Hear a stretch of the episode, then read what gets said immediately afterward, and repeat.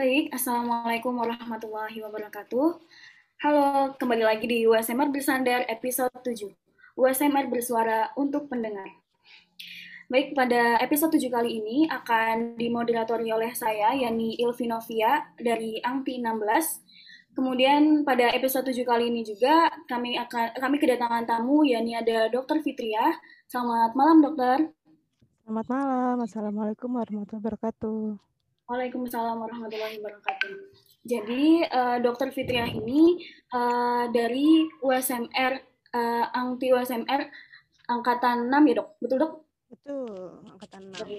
Tadi uh, kamu angkatan berapa? 16? Angkatan 16 dok, iya. Wow, kita beda 10 tahun. Beda 10 tahun, ya.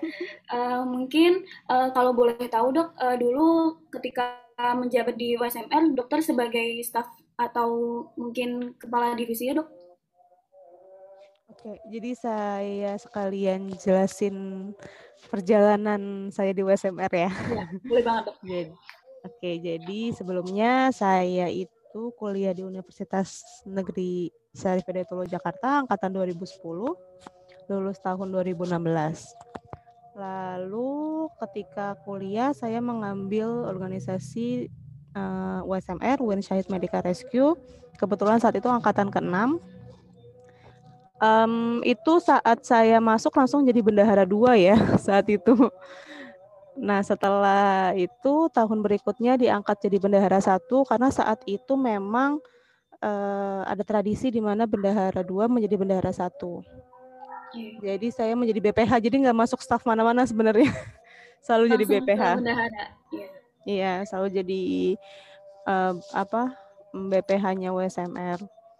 Lalu itu jadi anggota inti kan biasanya dua periode ya, dua tahun. Iya, Terus lanjut jadi anggota purna. Nah, se se selama jadi anggota purna, kebetulan saya diamanakan untuk lanjut di PT BMKI. Hmm. Di jadi, PT BMKI-nya di pusat atau wilayah kalau boleh? Awalnya di wilayah dulu, jadi koordinator wilayah dua, korwil hmm. pertama dari WSMR. Kebetulan Uh, lalu itu tahun 2013. Lanjut tahun 2014-nya jadi DPO, Dewan Perwakilan Organisasi. DPO pertama juga sama. Di BPP-nya, Dok? Di PT BMKI-nya. Iya. Ya, sekian mungkin perjalanan organisasi di USMR. Keren banget sih, Dok. Uh, sudah waktu pertama masuk langsung menjadi bendahara 2, kemudian lanjut ke Korwil Wilayah 2, di mana dokter sendiri adalah uh, Angti yang pertama kali uh, masuk ke PDMMKI dan menjadi ko ko koordinator wilayah. Dan juga dilanjut ke DPO di PTBMMKI pusat berarti dok? Betul? Ya, betul. Uh, kalau boleh tahu sekarang dokter kesibukannya apa ya dok? Hmm, kebetulan saya kerja di puskesmas kecamatan Jatinegara sebagai dokter PNS kebetulan juga diangkat jadi kepala puskesmas kelurahan Cipinang Besar Selatan 2. Oke. Ah, keren banget berarti dokter sekarang ini. Uh, mungkin di sini nanti saya akan melanjutkan ke pembahasan ya dok. Sebelumnya terima kasih banyak sharing pengalamannya di USMR dan ketika menjabat di USMR. Uh, mungkin untuk tema yang kami bawa pada malam ini yakni mengenai donor darah. Uh, jadi sebelumnya ini dok, uh, kami dari USMR sendiri itu sudah mengadakan donor darah di mana kami berkolaborasi dengan Departemen Kesos di Dema FK UIN. Jadi kami menyelenggarakan uh, dua program kerja yakni donor darah uh, yang diadakan oleh Departemen Kesos dan juga Baksos yang diadakan oleh operasional uh, USMR. Nah, jadi kalau dari dokter sendiri menurut dokter definisi donor darah yang sebenarnya itu apa sih, Dok? Hmm, sebelumnya sebentar, itu donor darahnya udah udah terrealisasikan? Sudah dok. Minggu Sudah. kemarin, tanggal 15 oh, Juli. Ya. Berapa peserta donor? Uh, kemarin kami menargetkannya 60 dan alhamdulillah uh, tercapai dok target pendonornya. Oke, okay, selamat. Kami bersama dengan PMI Kota Tangerang Selatan. Ya, Selamat saya ucapkan sudah berhasil. Kayak zaman dulu saya belum ada donor sih. Iya. Kayaknya USMR baru pertama atau udah sebelumnya? Donor darah. Uh, baru pertama baru kali terrealisasi iya. darah. Iya sih. Yeah. Selamat ya. Semoga um, apa namanya bermanfaat kegiatannya karena memang selama pandemi yang kita tahu uh, mulai berkurang ya ketersediaan darah di PMI. Jadi memang tepat nih kemarin USMR mengadakan donor darah sepertinya. Yeah. Oke, jadi kita masuk ke teori dulu kali ya. Uh, donor darah itu apa? Jadi sebenarnya sih nggak ada definisi utama donornya ya. Um, ilmu kedokterannya itu lebih ke transfusi, transfusi darah. Jadi transfusi darah itu adalah proses pemindahan darah atau komponen darah dari uh, pemberi atau pendonor ke penerima atau resipien gitu. Jadi untuk definisi donor darah memang tidak ada, tapi donor darah itu masuk ke dalam proses transfusi darah seperti itu. Eh, berarti untuk teori secara definisinya sendiri sebenarnya di, lebih di transfusi darahnya ya dok? Menurut ilmu uh, buku IPDUI itu adalah transfusi darah seperti itu. Uh, mungkin jadi kemarin tuh ketika kami mengadakan donor darah mm-hmm. uh, target pendonor itu memang sudah mencakup targetnya tapi ternyata itu ketika ada screening banyak yang nggak lolos gitu dok jadi kemarin yang saya tahu itu banyak sekali faktor yang uh, pendonor ini tidak bisa mendonorkan contohnya seperti begadang kemudian uh, ada karena halangan sedang datang bulan itu tidak diperbolehkan untuk mendonor terlebih dahulu. Jadi sebenarnya syarat-syarat untuk donor yang memang uh, mutlak tidak boleh mendonor itu bagaimana sih dok? Atau syarat-syarat yang dibutuhkan kami untuk uh, harus uh, kita bisa mendonor itu seperti apa? Oke. Okay. Apa aja itu? Hmm, jadi kita itu kan do, pro, um, donor darah, transfusi darah itu di um, apa ya namanya diatur oleh namanya PMI ya Palang Merah Indonesia. Nah, iya. PMI sendiri mungkin kita bisa lihat di websitenya, dia memiliki kriteria donor darah tertentu yang secara resmi dia menyebutkan bahwa donor darah itu ada beberapa macam kriteria. Yang paling umum itu dalam keadaan baik yang pasti tidak boleh dalam keadaan sakit, baik itu demam, batuk, pilek, atau lagi mual muntah, atau pokoknya dalam keadaan sakit itu pasti tidak boleh. Jadi harus dalam keadaan umum yang baik. Selain itu, usia juga berpengaruh Um, kalau dari PMI sih mintanya 17 sampai 65 tahun ya kalau dari websitenya. Mungkin dari beberapa instansi ada per, beberapa perbedaan, tapi yang pasti sih uh, usia produktif dan ya usia produktif termasuknya. Kenapa? Karena pasti kita lihat ya proses tumbuh kembang pastinya selain usia produktif memiliki spot-spot tertentu, memiliki metabolisme-metabolisme yang dibutuhkan juga. Jadi eh, ketika kita memberi, kita harus memastikan tubuh kita itu juga siap nih untuk memberi gitu. Jangan sampai tubuh kitanya juga jadi kekurangan. Selain itu berat badan itu juga berpengaruh. Berat badan itu ada yang bilang 45, ada yang bilang 50, beda-beda. Yang pasti uh, tidak boleh underweight karena hmm, hmm, ya kita kan tahu ya gizi itu penentu metabolisme tubuh jadi kalau gizinya itu kurang, apalagi gizi buruk, ya pasti otomatis uh, status darahnya hasil yang akan di komponen darah yang akan didapat dari donor itu pasti kan tidak tidak bagus sedangkan kita kan ingin mengobati orang yang sakit gitu. Terus juga selain dari fisik umum baik, umur, berat badan, tanda vitalnya juga harus bagus pemeriksaan fisik. Jadi tadi anamnesis yang ada keluhan, fisiknya juga harus bagus, tensinya bagus. Sebenarnya uh, dari website PMI sih dia bilang 170 tuh masih boleh ya. Tapi agak-agak hmm, pada kenyataannya kayak jarang ya yang hipertensi boleh. Yang pasti sih normal tensinya harus uh, 90 sistolnya sampai 130 140 mungkin masih dibolehkan. Pernya diastolnya itu ya sekitar 6, 60 sampai 90 80 mungkin bisa masih. Uh, dari tensi ayo tanda-tanda vital ada apa aja? Tensi nadi nadinya juga harus baik frekuensinya bagus kuat angkat. ya tadi nadi selain dari frekuensi juga harus kuat ya nadinya kuat tidak lemah dan lain-lain terus respiratory rate-nya tidak demam suhunya baik gitu sih terus sama tidak tidak menjadi donor dalam waktu tiga bulan terakhir ya. Ada yang bilang 8 minggu, ada yang bilang tiga oh. bulan, 120 hari sih tepatnya. Karena kan kita tahu proses pembentukan darah, terutama eritrosit itu kan 120 hari ya. Jadi biar um, jadi itu alasannya kenapa? Karena supaya membiarkan membuat tubuh kita itu menghasilkan dulu. Jadi jangan terus-terusan dikeluarkan. Terus ya um, tidak boleh hamil, terus sama tidak memiliki eh, penyakit-penyakit seperti TB. TB itu TB aktif yang tidak boleh.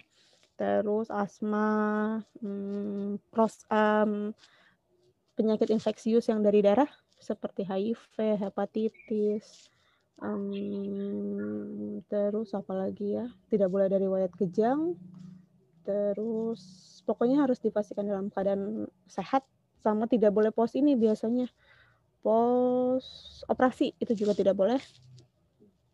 Hmm, sama beberapa kondisi seperti tidak boleh kalau dari PMI sih menyatakan tidak boleh penggunaan tato dalam waktu enam bulan eh satu tahun kalau nggak salah deh.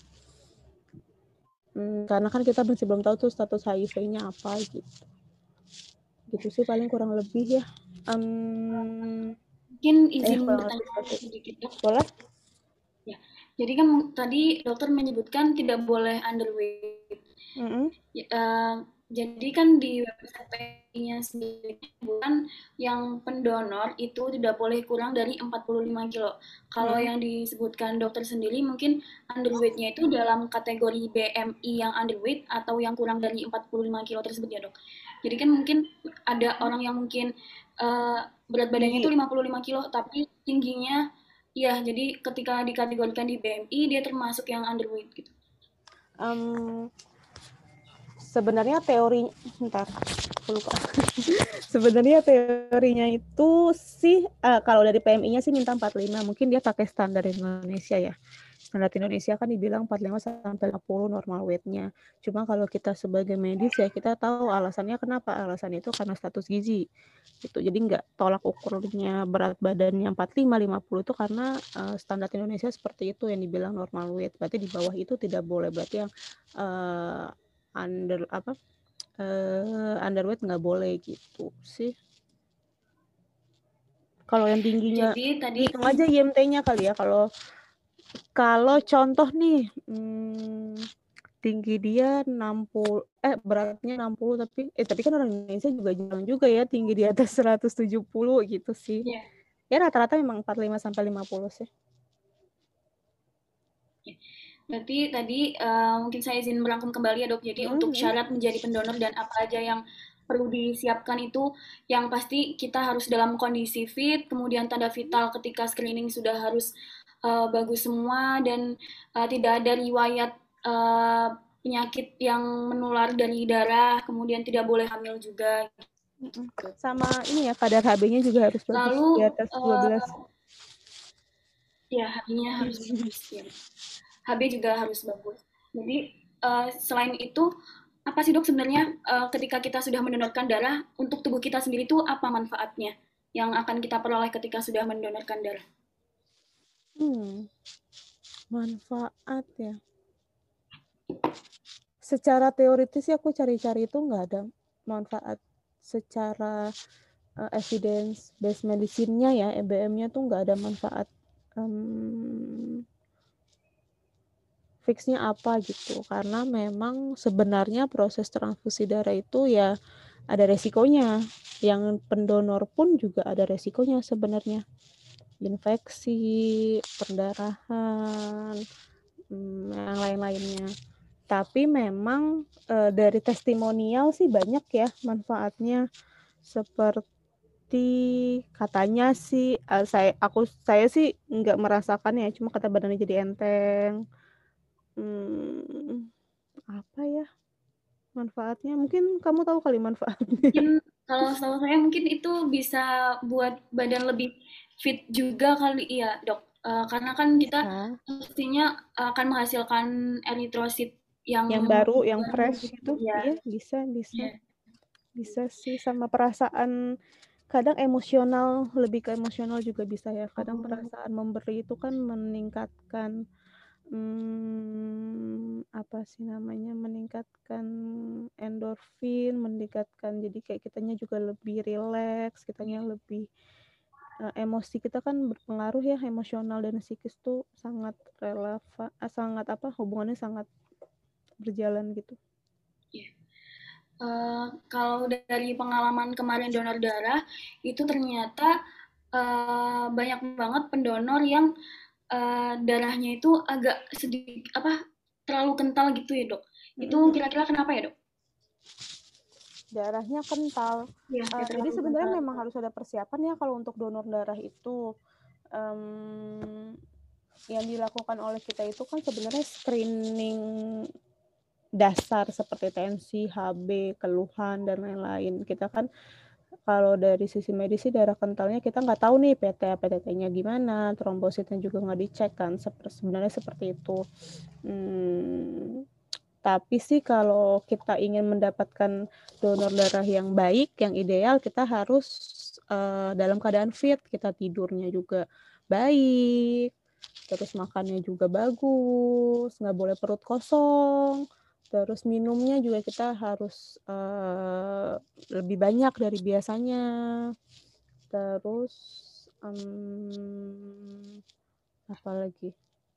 HB-nya juga saat itu pas yang dibilang kental itu berapa?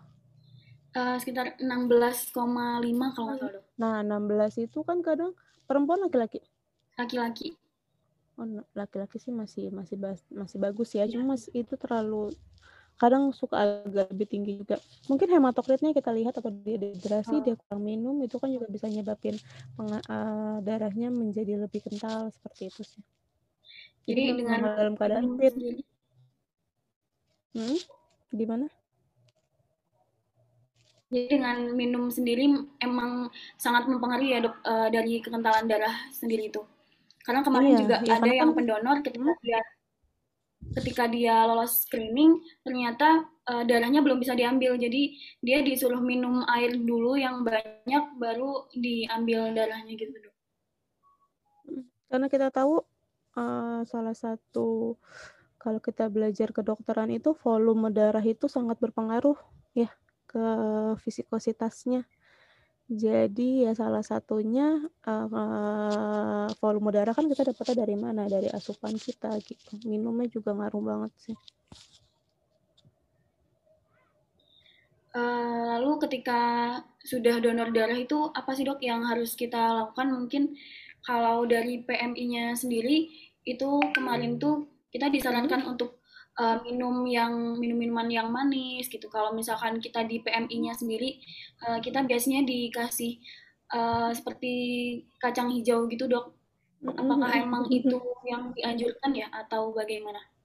Hmm, mungkin kalau yang pasti ketika kita men setelah mendonorkan darah kita harus Uh, sebenarnya boleh aktivitas cuma kita harus istirahat dulu. Karena kan kita mengeluarkan sekali donor darah itu sekitar 450 cc ya 450 mili yang keluar dari tubuh kita. Yeah. itu kan nggak langsung tergantikan sebenarnya. Jadi mungkin kita harus istirahat supaya tidak ada kepusing karena kan pasti otomatis eh, yang tadi saya bilang itu mempengaruhi blood pressure kita tekanan darah. Jadi mungkin akan lebih drop lebih turun jadinya uh, di sini nanti merasa kayak pusing dan lain-lain jadi harus istirahat.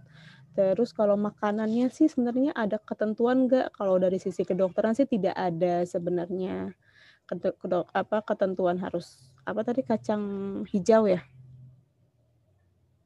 Dikasihnya apa kemarin? Hijau ya nggak harus sih sebenarnya cuma emang kacang hijau kan ya teh manis kan untuk supaya meningkatkan gula ya. Kalau kacang hijau mungkin meningkatkan HB, mungkin ya. Tapi kan sebenarnya kita tahu di, di dunia kedokteran nggak secepat itu, dia membutuhkan yeah. waktu tiga bulan untuk prosesnya. Jadi mungkin hmm, karena itu yang namanya masuk ke organisasi program pemerintah pasti dia punya uh, apa ya paketannya. Jadi mungkin dia kacang hijau. Tapi sebenarnya sih kalau ada orang mau donor darah ya makan apa pun itu setelah donor darah gitu. Nggak ada ketentuan. Harus ya, kacang hijau harus susu harus yang penting makan gitu. Karena um, buat mengembalikan asupannya gitu. Di buku textbook sih nggak ada harus apa gitu nggak ada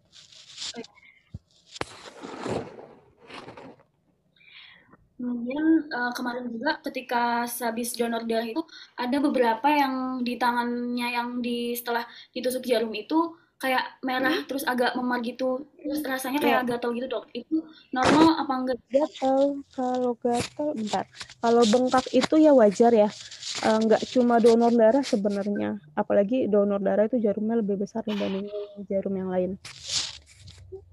Suntik imunisasi um, infus itu juga pasti bengkak. Kenapa? Karena kan yang kita tuju itu pembuluh darah. Uh, mungkin proses pembekuan darahnya nggak secepat uh, umumnya, tapi masih dalam batas normal. Sehingga ketika uh, jarumnya dicabut kan kita kita memasukkan jarum merobek pembuluh darah dengan uh, ukuran jarumnya kan. Nah, ketika kita mencabut jarumnya ya pasti kan ada bleeding meskipun itu small, meskipun itu kecil keluar ke uh, tubuh kita apa um, apa namanya di luar pembuluh darah itu jadinya uh, ada perdarahan sehingga jadi bengkak. Tapi itu masih dalam batas normal sebenarnya. Tubuh pasti akan bisa uh, mengatasinya gitu. Uh, jadi kalau bengkak memang makanya nggak boleh aktivitas terlalu berat supaya uh, tidak bengkaknya nggak bengkaknya bisa balik lagi gitu bahkan kalau bisa sih nggak bengkak kalau emang tubuhnya cepat untuk uh, apa namanya menutup si pembuluh darah yang kita masukkan jarum suntik tadi itu. Nah kalau untuk al, apa tadi katanya gatal ya gatal tuh sebenarnya malah reaksi harusnya sih reaksi yang di lebih sering untuk reaksi yang dapat apa mm, resipiennya ya sebenarnya. Hmm, saya kurang tahu sih kenapa dia bisa gatal ya Mungkin karena kan emang nggak dimasukkan apa-apa, justru itu dikeluarkan kan. Hmm, mungkin dari jarumnya dia alergi sama jarumnya bisa jadi.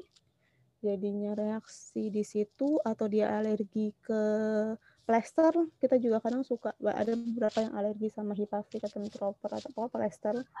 Kayak gitu sih. Tapi masih bisa ditahan semua kan kemarin? Iya masih bisa dok reaksi yang paling berat ada donor itu sebenarnya reaksinya banyak yang ringan tapi yang paling berat itu mungkin bisa kejang yang bahaya itu pingsan apa penurunan kesadaran itu itu semua sebenarnya karena blood loss ya kekurangan apa eh, volume darahnya berkurang drastis biasanya sih karena persiapan yang kurang. Gitu screeningnya kurang mantep. Jadi nggak menutup kemungkinan harus bisa apa? Berarti dari efek sampingnya sendiri nggak kemungkinan itu bisa menyebabkan pasiennya juga karena blood loss itu tadi bisa penurunan kesadaran, bisa pingsan ataupun sampai epilepsi gitu ya dok? Bisa bisa, tapi memang makanya uh, screening itu penting sekali. Jadi kalau mau donor jangan bohong, uh, jangan bilang saya hmm. lagi ngehit atau hmm. saya pokoknya saya mau donor nggak bisa benar-benar screeningnya kuat apa uh, ketat banget apalagi kalau nanti uh, screening di rumah sakit itu juga ketat banget gitu karena jangan sampai orang yang sehat jadi sakit karena donor kan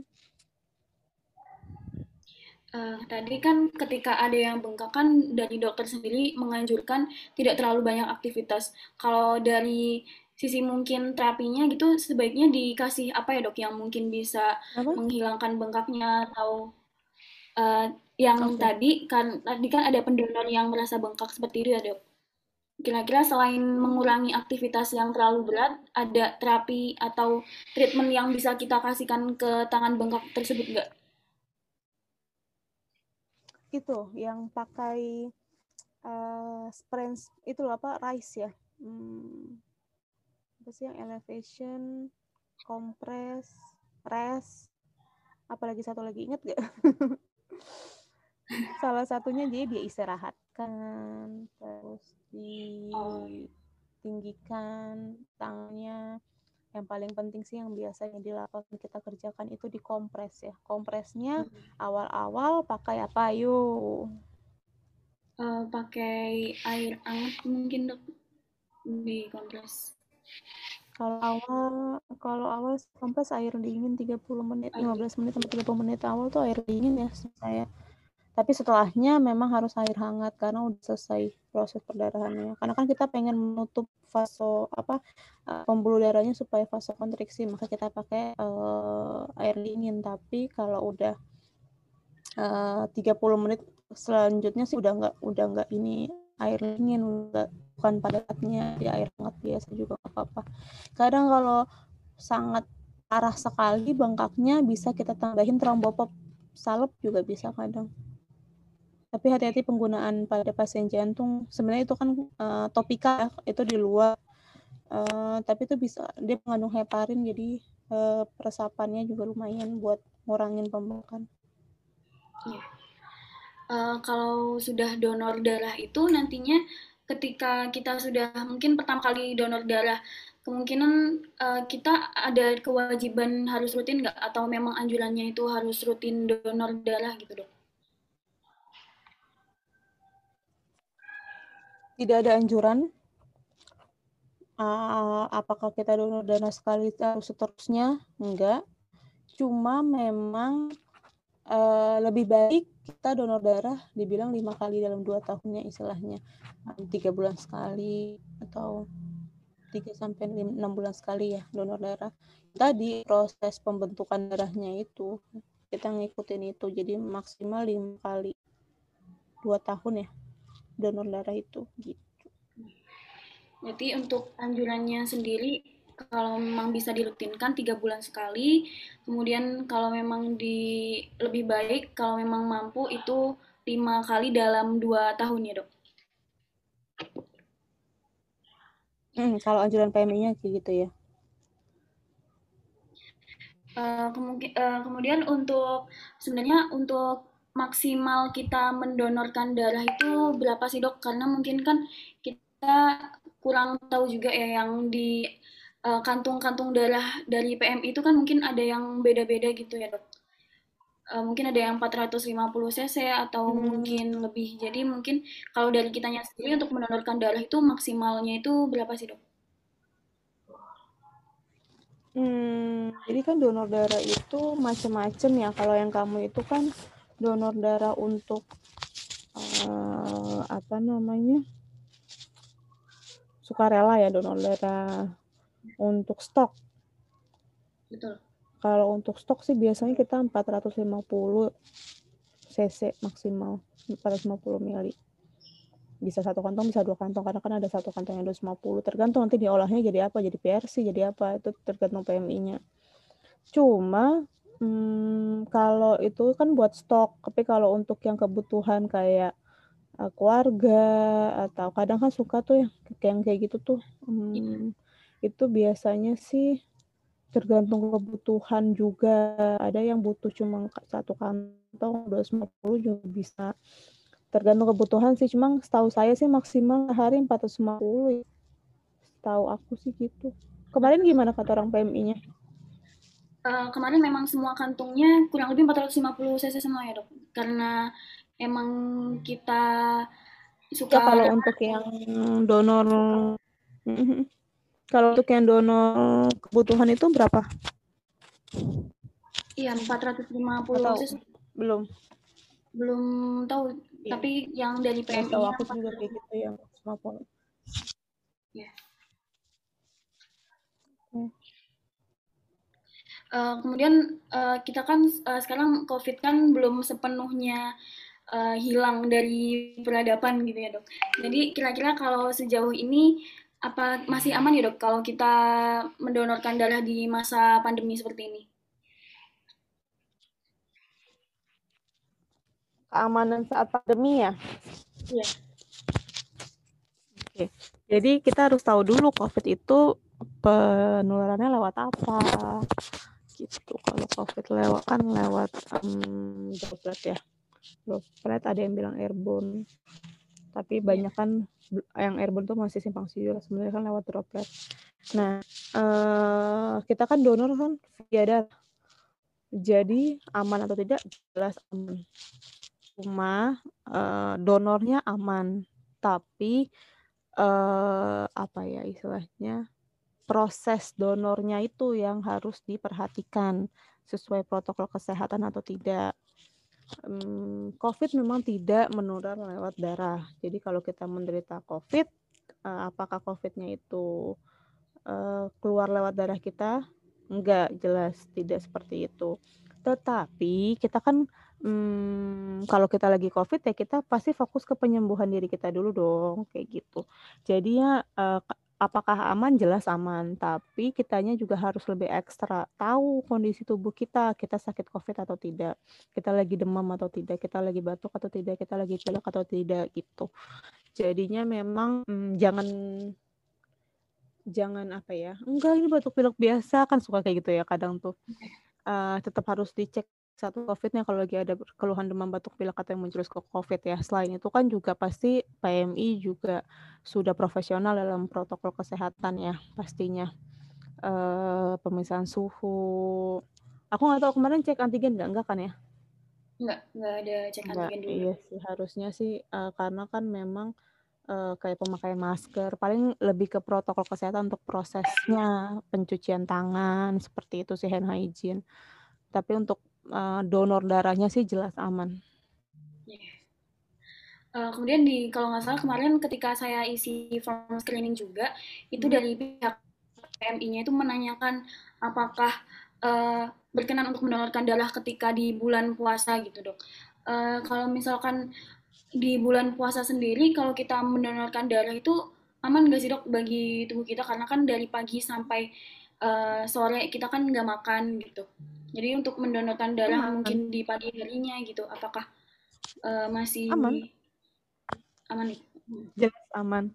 Kan syaratnya tadi kan cuma usia, berat badan, tekanan vital, jadi HB. Jadi kalau semua syaratnya itu kita uh, memenuhi, kitanya lagi puasa, tapi HB kita bagus, HB kita 14, terus tensi kita bagus, nadi kita bagus, semua bagus, harusnya aman. Cuma kan kadang ada beberapa uh, keyakinan yang ketika kita lagi jadi itu um, pertanyaan itu tuh sebenarnya bukan untuk dari sisi medisnya ya kalau dari sisi medisnya aman cuma itu kayaknya lebih keyakinan karena ada beberapa orang yang ketika um, puasa itu uh, ajarannya itu tidak mau memasukkan jarum suntik ke badannya hmm. gitu. kayak itu lebih ke arah sana sih tapi kalau untuk dari sisi medisnya sih jelas aman selama kriteria donor darahnya terpenuhi. Berarti uh, overall untuk bulan puasa kita aman-aman aja untuk mendonorkan darah. Yang penting dari HB, kemudian tanda-tanda vital yang lain, tekanan darah itu normal semua gitu ya dok? Iya, kasihan dong pasien-pasien talasemia yeah. hemofili kalau bulan puasa di stop. Iya. Yeah. Uh, Mungkin uh, jadi yang dari saya simpulkan dari persyaratan dari persiapan sebelum donor itu sudah uh, harus dipastikan. Uh, sebelumnya tubuh kita itu udah harus fit, tidak ada gejala-gejala batuk, pilek ataupun demam, kemudian uh, HB harus normal, tekanan darah normal, kemudian tidak ada riwayat uh, penyakit yang menular menular lewat darah, tidak hamil, tidak ada haid, Ya mungkin seperti itu untuk uh, ya. persiapan. Uh, sama ini ya, ada tambahan sih ketika apa di buku penyakit dalam UI kalau kamu kalau kamu baca itu uh, eh, pos vaksinasi kadang oh. ada beberapa waktu apalagi untuk beberapa uh, kayak virus yang dilemahkan atau apa itu oh. um, ada waktu dikasih ya? waktu kurang lebih sekitar kalau saya baca sih dua minggu deh oh. kalau nggak salah dua minggu sama kalau malaria malaria itu atau kita pergi ke daerah endemis itu harus enam bulan pos pulang dari sana atau enam bulan pos. Eh kalau ya enam bulan pos da, pergi dari uh, apa namanya dari daerah endemis uh, sama kalau kita terkena malaria dua tahun deh kalau saya bentar saya baca dulu. Ada beberapa syarat tambahan sih.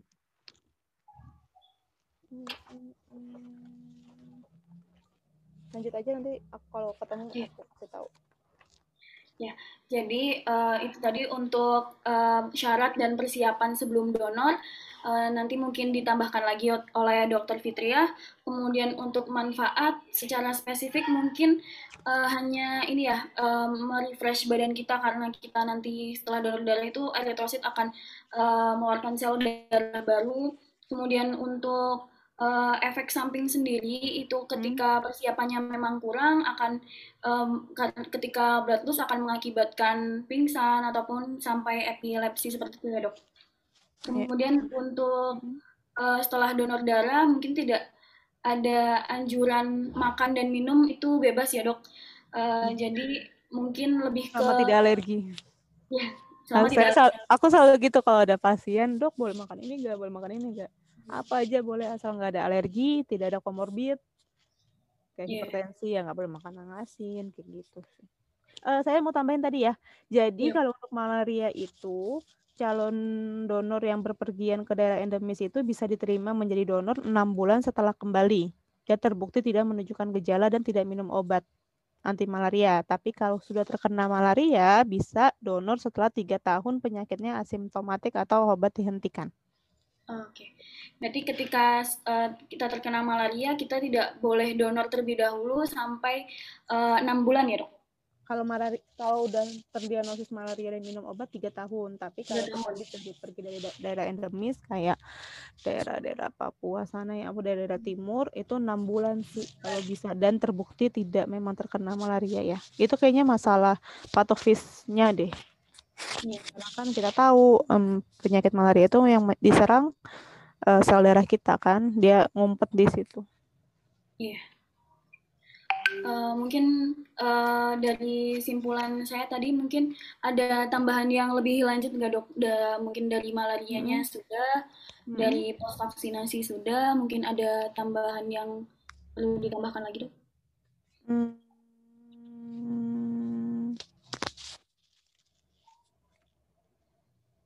ini paling ya kalau untuk donor darah itu selain dari kemauan maksudnya kalau kita lagi apa namanya sebagai tenaga kesehatan kita jangan lupa inform konsen. Itu penting sekali untuk pendonor. Kita jelaskan berapa yang diambil apa tujuannya apa yeah. resiko yang mungkin yang mungkin akan terjadi.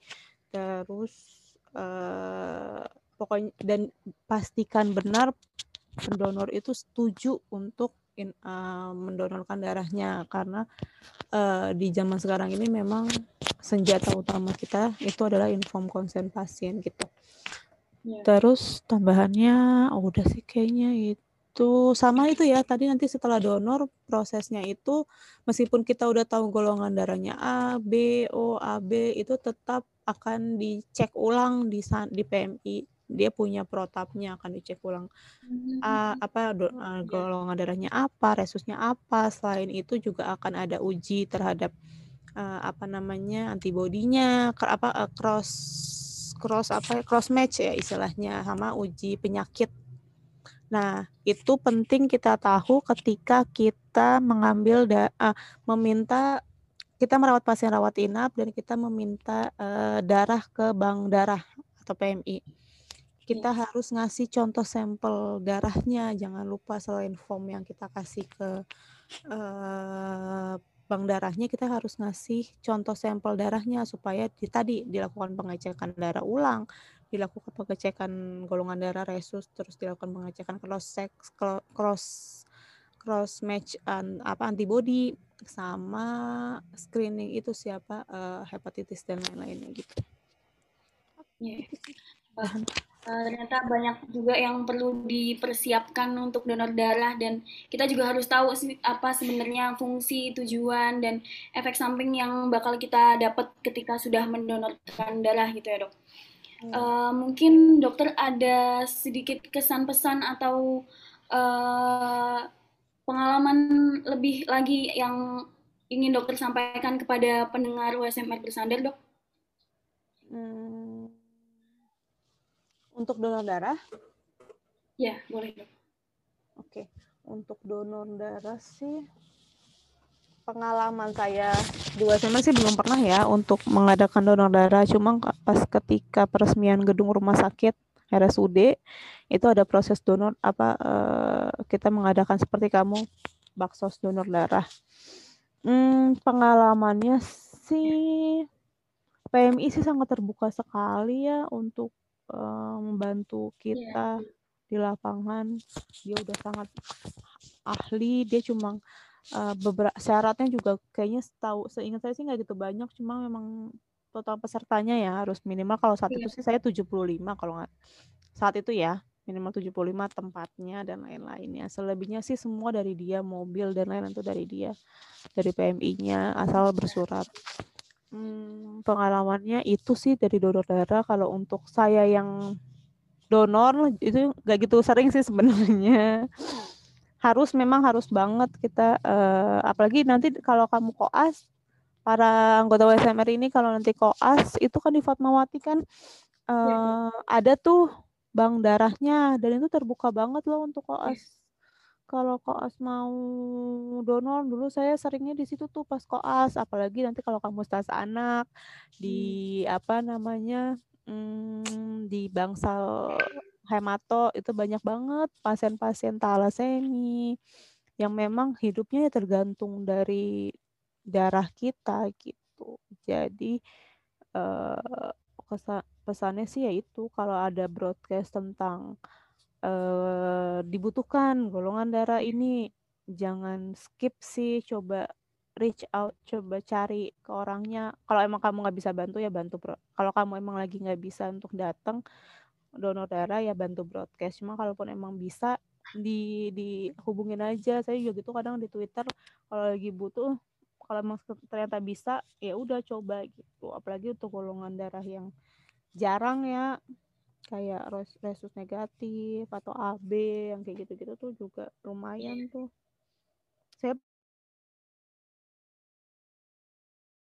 ada resus negatif. Itu kan jarang ya resus negatif. Oh, oh resus banget. negatif itu jarang banget. Sampai akhirnya datang dari Solo gitu. Nah, hmm. selain dari apa tadi pesan saya juga kitanya juga harus siap, kitanya juga harus sehat, kitanya juga harus uh, kalau membantu pikirin diri kita juga dulu, kitanya lagi dalam keadaan kayak gimana gitu. Jadi harus olahraga rutin, jangan enggak kalau nanti harus rajin banget olahraganya. Iya, betul Betul sekali. Olahraga, makan yang benar para calon dokter ini. Ya saya juga dulu kayak gitu sih. Cuma jadi menyesal sekarang. Lebih banyak makan gorengan sih dok sekarang. Iya. Memang itu Indomie yeah. gorengan. Memang sih karena instan kan. Ya nanti kamu yeah. juga akan nemu polanya sendiri sih sebenarnya kalau udah kerja. Yeah. Boba-bobaan tuh kopi yang kayak gitu-gitu kan kadang tuh Ya. ya pokoknya kitanya juga harus sehat sebelum nolong orang ya. Itu prinsip utama kita juga. Sama apa lagi ya? Ada yang mau tanya lagi nggak? Uh, kalau dari kami mungkin cukup dok mungkin dari dokternya kalau ada tambahan boleh banget di sharing lagi. Sama itu ya kemarin COVID itu ya apa namanya lumayan terapi plasma konvalesen tuh lumayan. Ingat nggak dulu sering banget dicari? Itu kan juga termasuk transfusi kan? Plasma. TPK ingat nggak? Salah satu terapi COVID meskipun belum dibuktikan secara EBM ya banyak yang bilang tidak banyak yang bilang pengaruh. Jadi ya itu sih paling jangan sampai kita jadi keluarga yang mencari.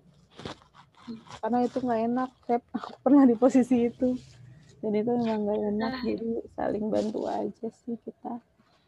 Gitu deh paling. Oh iya sama ada ini lagi.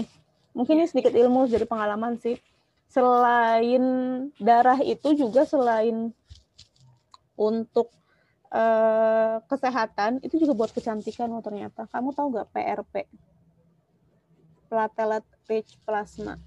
Gak tahu ya? Oh yang ada PRP treatment yang buat facial treatment itu ya dok itu juga lumayan tuh dari itu dari darah kita di centrifuge diambil plasmanya aja terus dikasih buat ke hmm, yang iya. diinginkan. Iya. Selain kecantikan ternyata ada untuk terapi OA terbaru.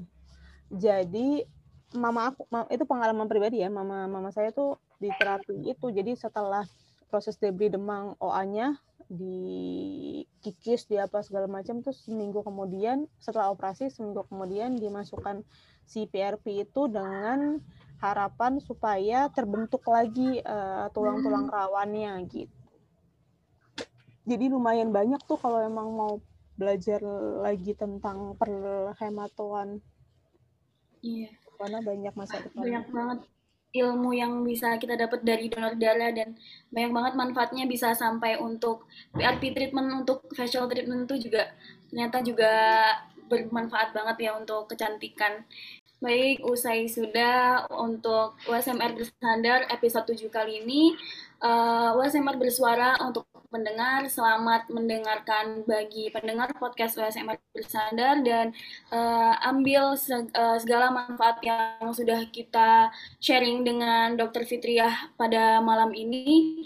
Terima kasih banyak dokter atas kesempatannya untuk meluangkan waktu sharing bersama kami. USMR bersandar.